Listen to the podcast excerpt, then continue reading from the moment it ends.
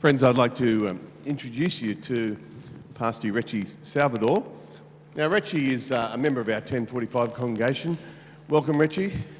Um, he's going to come and open the Word of God to us. Rechi, that is a very classy coat. Um, tell me what that, that's about.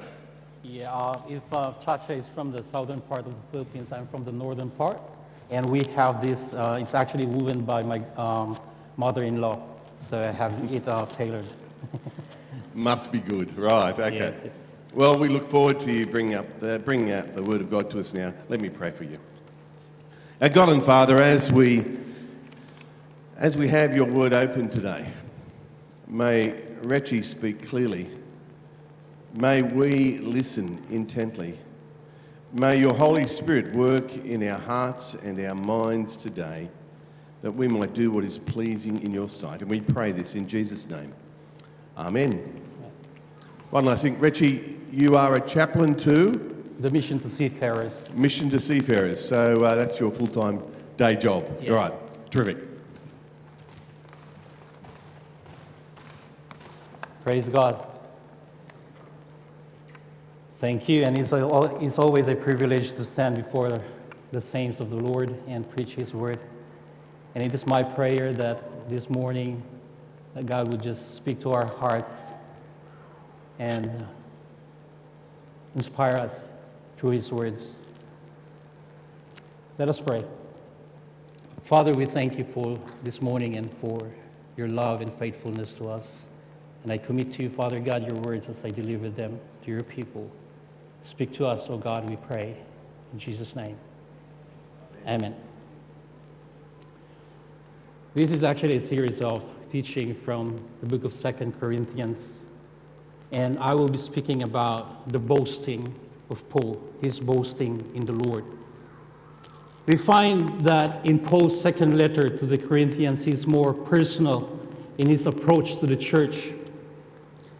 And this is because there are these people who are trying to question his authority as an apostle.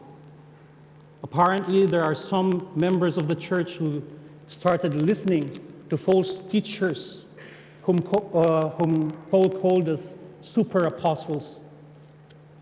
That is why in this letter, Paul wanted to prove to the church his authority and legitimacy as an apostle.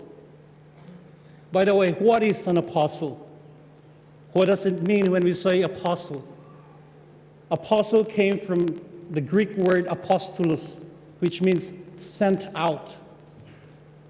To, or, yeah, sent out.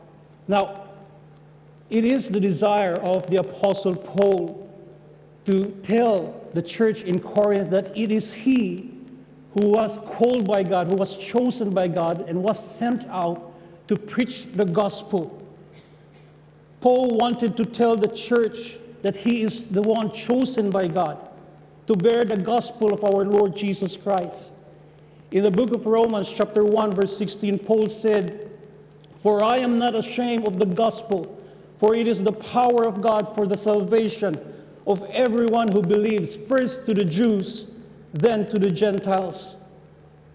And so we come in this part of Paul's second letter to the Corinthians, where he described all his hardships and toils that he faced being a minister of the gospel. However, we also need to understand that during the time of Paul's conversion, the Lord already spoke about how much he will suffer for his name. In Acts 9, verse 15 to 16 says, This man is my chosen instrument to carry my name before the Gentiles and their kings and before the people of Israel. I will show him how much he must suffer for my name. Friends, what will be your response if God will tell you that He has chosen you, that He has called you? Isn't it a privilege? We say, oh, yeah, it is a privilege to be called by God. But what will be your response when He tells you that you have to suffer much for His name's sake? Well, that's another thing. No one wants suffering. No one will say here, brother, I love suffering, I enjoy suffering. We don't want suffering. But all these things were fulfilled in the life and ministry of the Apostle Paul. There are three things, friends, that I would like to point out in this message. First is Paul's boasting in his sufferings. Second, Paul's boasting in his weaknesses. And third is Paul's boasting in his vision and revelation. Paul's boasting in his suffering. He said, Tolerate me as you would a fool, so that I may do a little boasting. In fact, he doesn't want to boast, but he has to. Why? Because of these false teachers who are, who are trying to discredit him and who questions his apostleship, his authority as an apostle. He said, Since many are boasting in the way of the world, or the way the world does, I too will boast. Paul, being a lawyer, was defending himself and his right as an apostle of Christ. And due to the lack of discernment from the Corinthian church, they didn't realize that they were being exploited and taken advantage and misled by these false apostles. People who don't even believe in the resurrection of our Lord Jesus Christ, which is the fundamental teaching of Christ and the, the apostles. And as shepherd of God's flock, Paul wanted to protect the church. He wanted to defend the gospel. And he wanted to uphold the truth. Paul's boasting is for the Corinthians to realize and discern between the false apostles and the true apostles. Paul's boasting is to testify the genuineness or the validity of his calling. Paul's boasting is to silence, it is to silence the mouths of these false teachers. Way back in 2005, Together with a Filipino minister, we were invited for a mission conference and a commissioning service for missionaries in South Korea. And the delegates were from different parts of the, the world, different countries, including places where the gospel is not welcomed.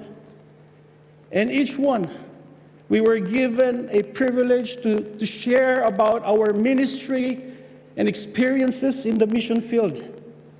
And I thought to myself, I got a lot of things to say because that time we were planting churches back in the northern Philippines. And uh, I said, I, I got a lot to say. But you know, I was silenced.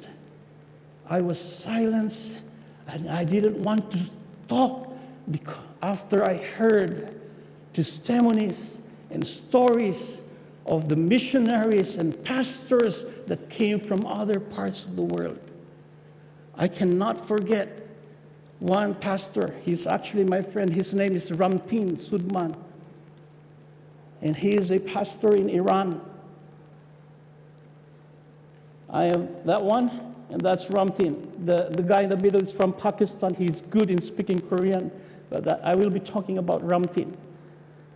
Ramtin, his father, Hussein Soodmand was the first Christian minister sentenced to death in Iran for the crime of apostasy. If you abandon your faith, then that is illegal. That is a crime. So he was sentenced to death by hanging for abandoning his former religion and following Christ. When he became a Christian, he started to distribute Bibles and Christian literature in, in, in Iran. But the time came when he was arrested and was, was placed in solitary confinement. And it happened not once, but again and again. And he was severely tortured. And without informing his family, he was sentenced by hanging. So tragic for Ramtin's family and the church. His body was secretly buried by the authorities in a burial place reserved only for those who are cursed. And I heard that later it was bulldozed, and I don't know what happened to the remains of his father. Months after the conference, I got the chance to chat with Ramtin online, and I said to him, Brother, how are you? It's been a long time. I haven't heard from you. And he said to me, Brother, I was in prison for more than three months. His sister was interviewed in the Voice of Martyrs, the organization, where she talked about her father's last words because many wanted Hussein Soodmand to leave Iran to escape from the persecution. But you know what he said? My escape from these dangers will weaken the flock and discourage them. I don't want to be a bad example. I am willing to go to jail again, and if necessary, to give my life for them.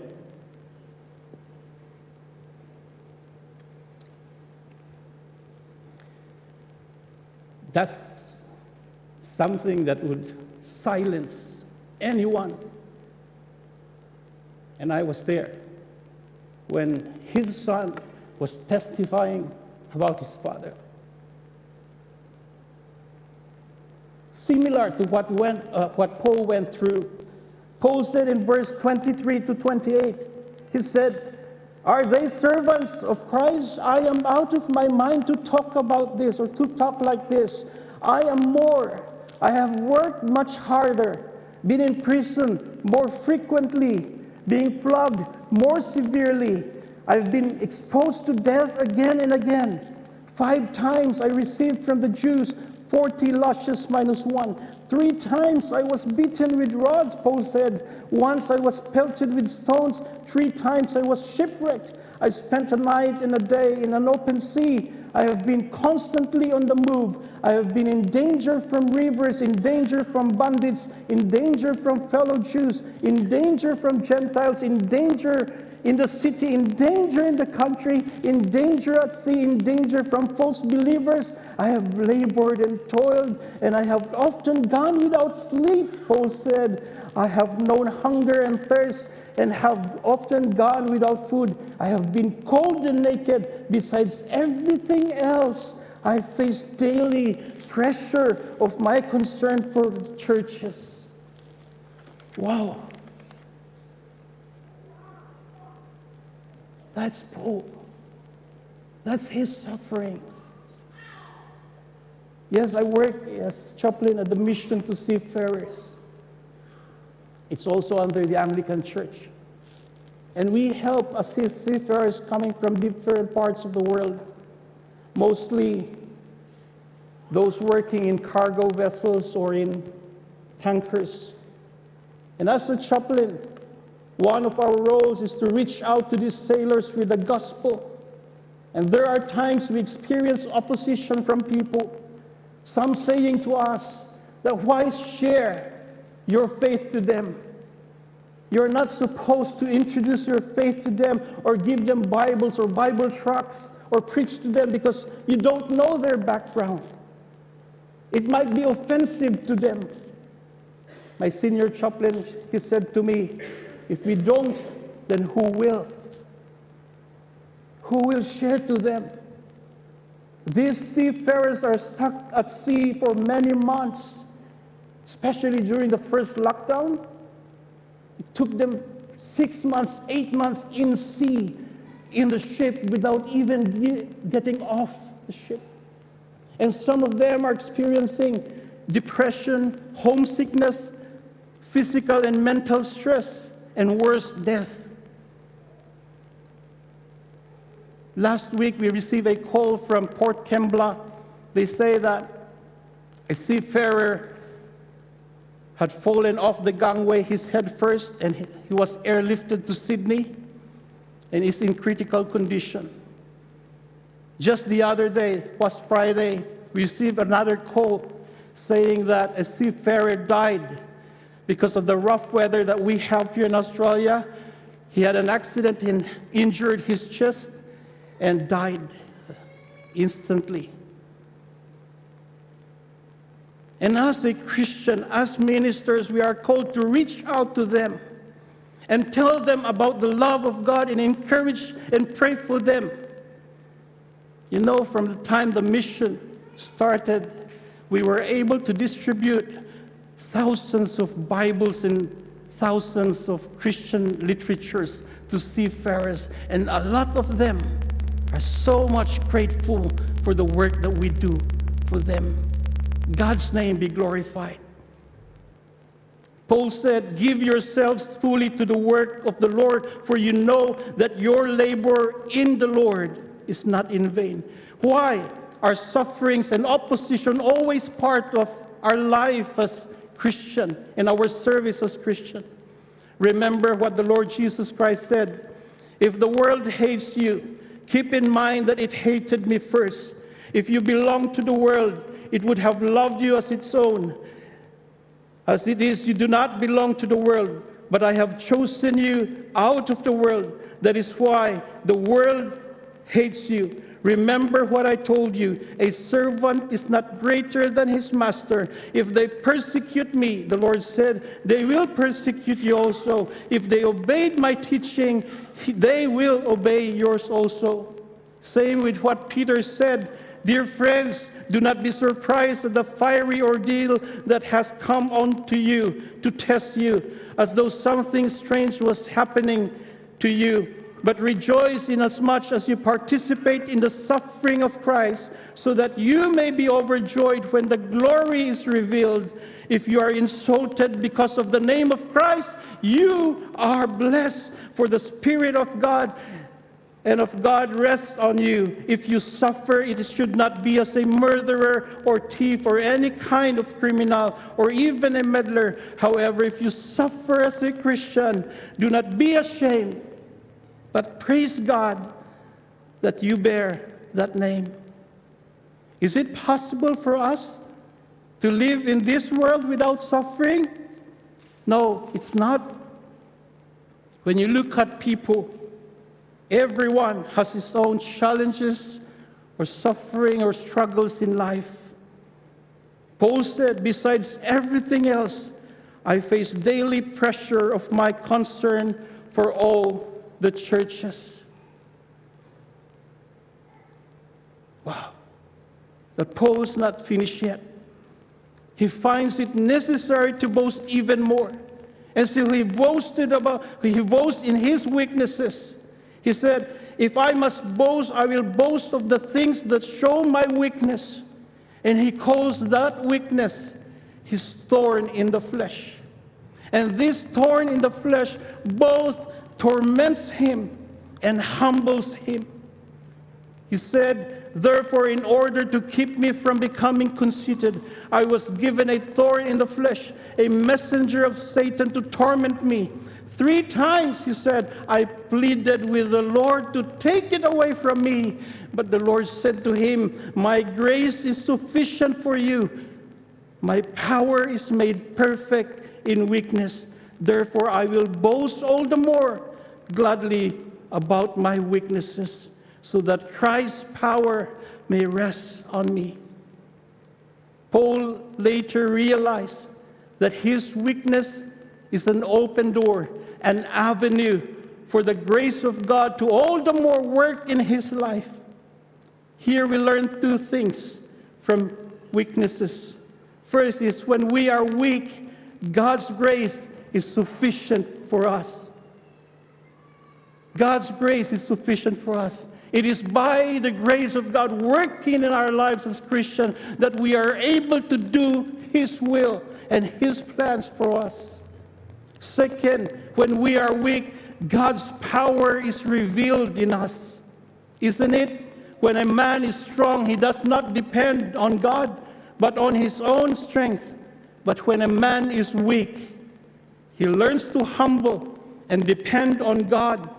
Then God can reveal his power through that man's weaknesses. Not only did Paul boast about his suffering or his weaknesses, but also his vision and revelation. That brings us to the third point. He said, I must go on boasting. Although there is nothing to be gained, I will go on to visions and revelation from the Lord. I know a man in Christ 14 years ago was caught up to the third heaven, whether in the body or out of the body, I do not know. God knows, he said. And I know that this man, whether in the body or apart from the body, I do not know, but God knows, was caught up to paradise and heard inexpressible things, things that no one is permitted to tell. Although the Apostle Paul uses the third person, he said, I know a man, but scholars say that he was actually referring to himself. And he said that this man heard inexpressible things that even man is not permitted to tell. Therefore, Paul was implying that this man, he was referring to himself, had a special encounter with God. He was caught up to paradise. Whether in the body or not in the body, he said, doesn't matter. But it is a- an encounter with God, a special encounter with the Lord. That none of these super apostles, that none of these false teachers ever experienced. Paul attests to his revelation. In 1 Corinthians chapter 2, he said that, But we impart a secret and hidden wisdom from God, which God decreed before the ages of, of, our, of our glory. None of the rulers of this age understood this, for if they had, they would have not crucified the Lord of glory. But it is written, Who has an eye, what no eye has seen, nor ear heard, nor heart of man imagined, what God has prepared for those who love him. These things God has revealed to us through the Spirit, for the Spirit searches everything, even depth, the depths of God. And we impart this in words not taught by human wisdom, but taught by the Spirit, interpreting spiritual truths to those who are spiritual. Paul was posting about his personal encounter with God. And as I said a while back, none of these super apostles experienced those things that this man of God experienced or encountered in his life. People usually boast about their strength, about their wisdom, about their wealth and success, but not with Paul. When he realized the true meaning of his weakness and suffering and his encounter with God, he finds it more appropriate to boast about them. Just like Paul, we don't need to fear our weakness or hide them. Our sufferings and weaknesses give us the opportunity to come to Christ and experience His sufficient grace and power. May God help us to realize that His grace is more than enough. May God use each of us when we come before Him in our weaknesses. May the trials and hurts we experience build our godly character in life, demonstrate our faith in the Lord, and prepare us for further service. Let me quote to you last passage spoken by the prophet Jeremiah and was also quoted by the apostle Paul. In Jeremiah 9, it says, This is what the Lord says Let not the wise boast of their wisdom, or the strong boast of their strength, or the rich boast of their riches, but let the one who boasts boast about this, that they have the understanding to know me, that I am the Lord who exercises kindness and righteousness on earth. For in this I delight, declares the Lord. Amen. Let us pray. Father, thank you so much for the life of the Apostle Paul. We thank you for making him your instrument to reach out to the lost, to the world. We thank you for his ministry and for his words, Lord God. We know, Lord, that his suffering is not in vain. The things that he's experienced in life is not in vain. And so, Father, may we learn from him even more. And help us, Father God, to realize that when we are weak, that when we are suffering, that you are always there, that your grace is sufficient, that your power is made stronger when we are weak, and that may we always learn from you, from your words. This is our prayer. In Jesus' name. Amen. Amen.